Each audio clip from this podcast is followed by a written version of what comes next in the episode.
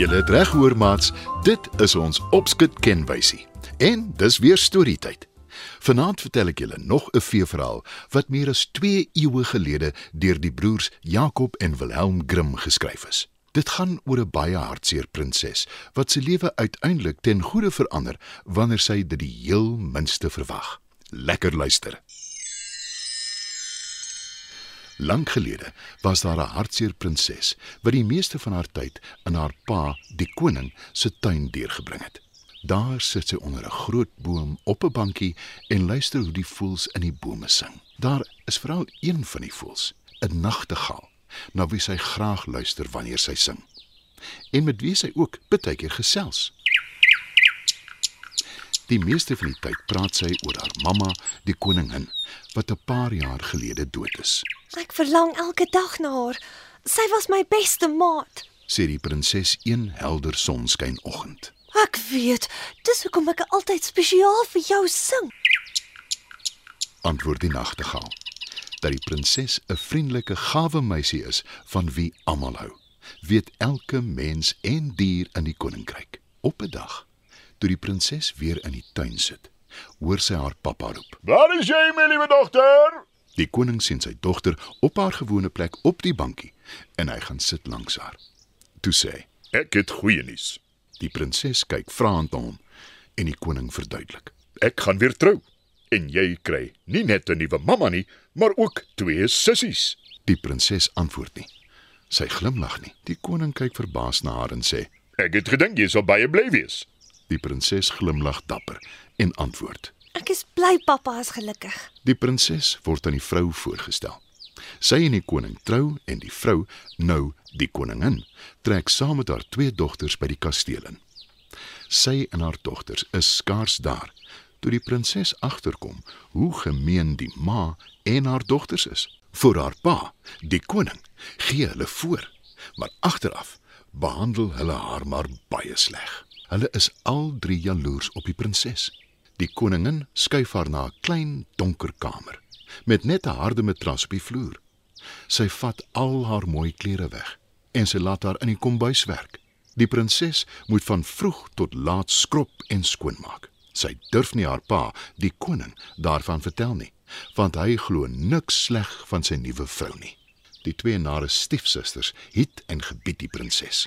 Hulle laat haar al hulle vuil werk doen. Hulle is gemeen met haar, veral die oudste een. Jy lyk weer besonder gehavend en sleg vandag. Jou rok is geskeur en lelik. Spot die suster gereeld. Die prinses antwoord maar liewer nie. Maar almal wat in die kasteel werk, kan sien wat aangaan en hulle praat onder mekaar. Die nare stiefsuster kan vir ons prinses sê net wat sy wil. Al het sy net lelike klere om aan te trek, sy's 'n duisend keer mooier as enigiemand van die twee susters. Sê die kok vir die koning se lyfwag. O ja, baie beslis, maar dit maak my hartseer om ons liewe prinses so te sien. Antwoord die lyfwag. Die twee skud hulle koppe hartseer en wens hulle kon iets daaraan doen, maar hulle weet hulle durf niks sê nie. Toe, op 'n dag is die hele koninkryk in rep en roer. Die koning van 'n koninkryk, 'n hele en van hulle af, stuur sy soldate om 'n belangrike aankondiging te maak.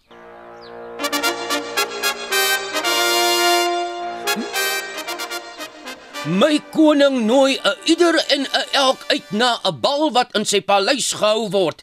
Dit het tyd geword vir sy seun, die prins, om te trou. My koning hoop dat hy iemand op die bal sal ontmoet. Die twee nare susters is uit hulle velle van opgewondenheid. Het jy gehoor, stiefsus?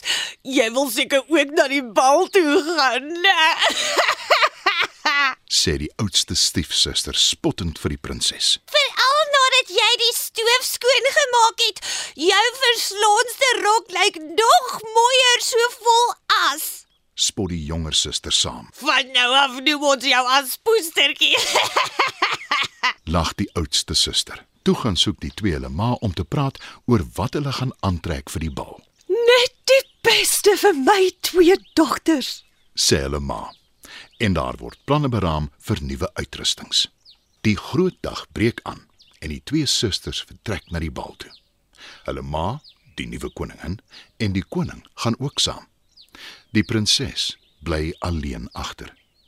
Sy sit in die kombuis en kyk na die hoop skottelgoed wat sy moet was. Sy is na aan trane en sy verlang baie na haar mamma.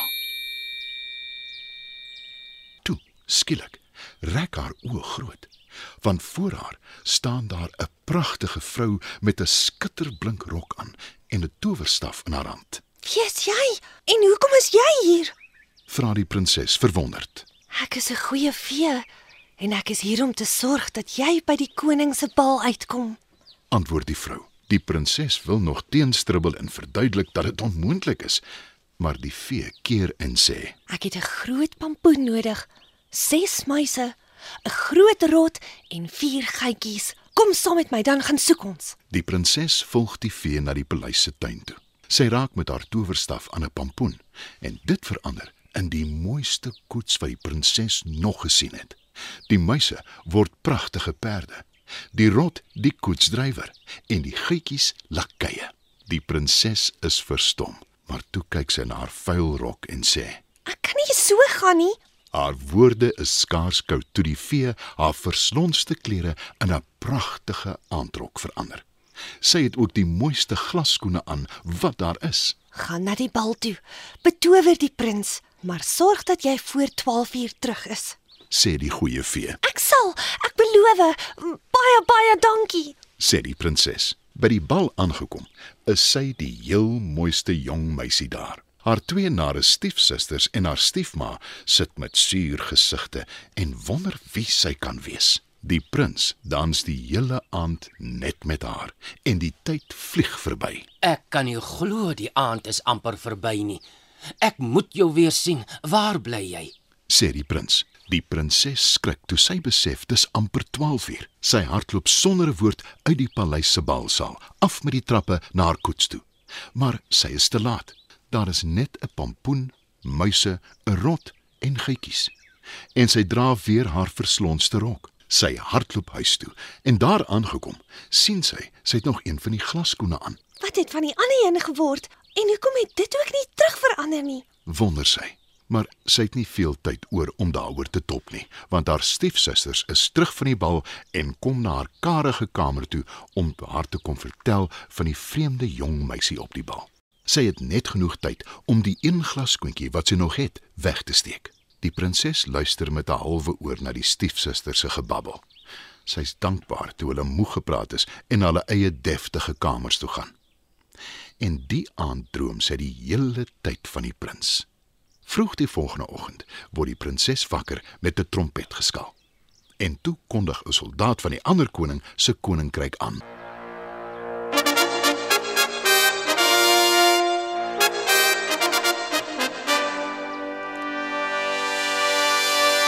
My prins is op soek na die skone dame aan wie die glasskoen behoort wat op ons paleis se trappe agtergebly het.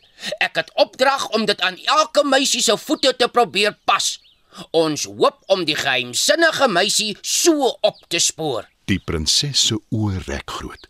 Sy sien hoe die soldaat die glasskoen aan haar twee stiefsusters se voete probeer pas, maar hulle voete is heeltemal te groot. Is daar enige iemand anders hier? Wil die soldaat weet. Nee, Antwoord die nare stiefma ferm. Maar toe val die soldaat se oog op die mooi jong meisie in die verslonste klere wat om die hoek loer. Hy wink haar nader om die skoen aan te pas. Die stiefma probeer keer, maar die soldaat steur hom nie aan haar nie. En daar glip die glasskoentjie perfek aan die prinses se voet. Almal kyk verbaas na haar. Sy haal die ander skoen uit haar sak en glip dit aan haar ander voet. En skielik verander haar lelike vuil verslonste rok in 'n pragtige gewaad. Die soldaat hou sy hand uit en sê: Kom saam met my meisie. My prins wag vir jou. "Die koning, wat intussen nader gekom het, sê: Sy is nie sommer 'n gewone meisie nie.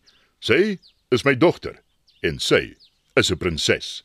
Hy druk sy dogter styf vas en sê: Ek is so jammer my kind oor alles. Die prinses glimlag en sê: dankie pappa. Sy vertrek saam met die soldaat na die prins se kasteel toe. Toe hy haar vra om met hom te trou, weifel sy glad nie. Die twee is baie gelukkig. En die nare stiefma en stiefdogters, hulle het souwaar nooit weer gelag nie. So kwaad en ongelukkig was hulle. Nie eers 'n glimlag nie.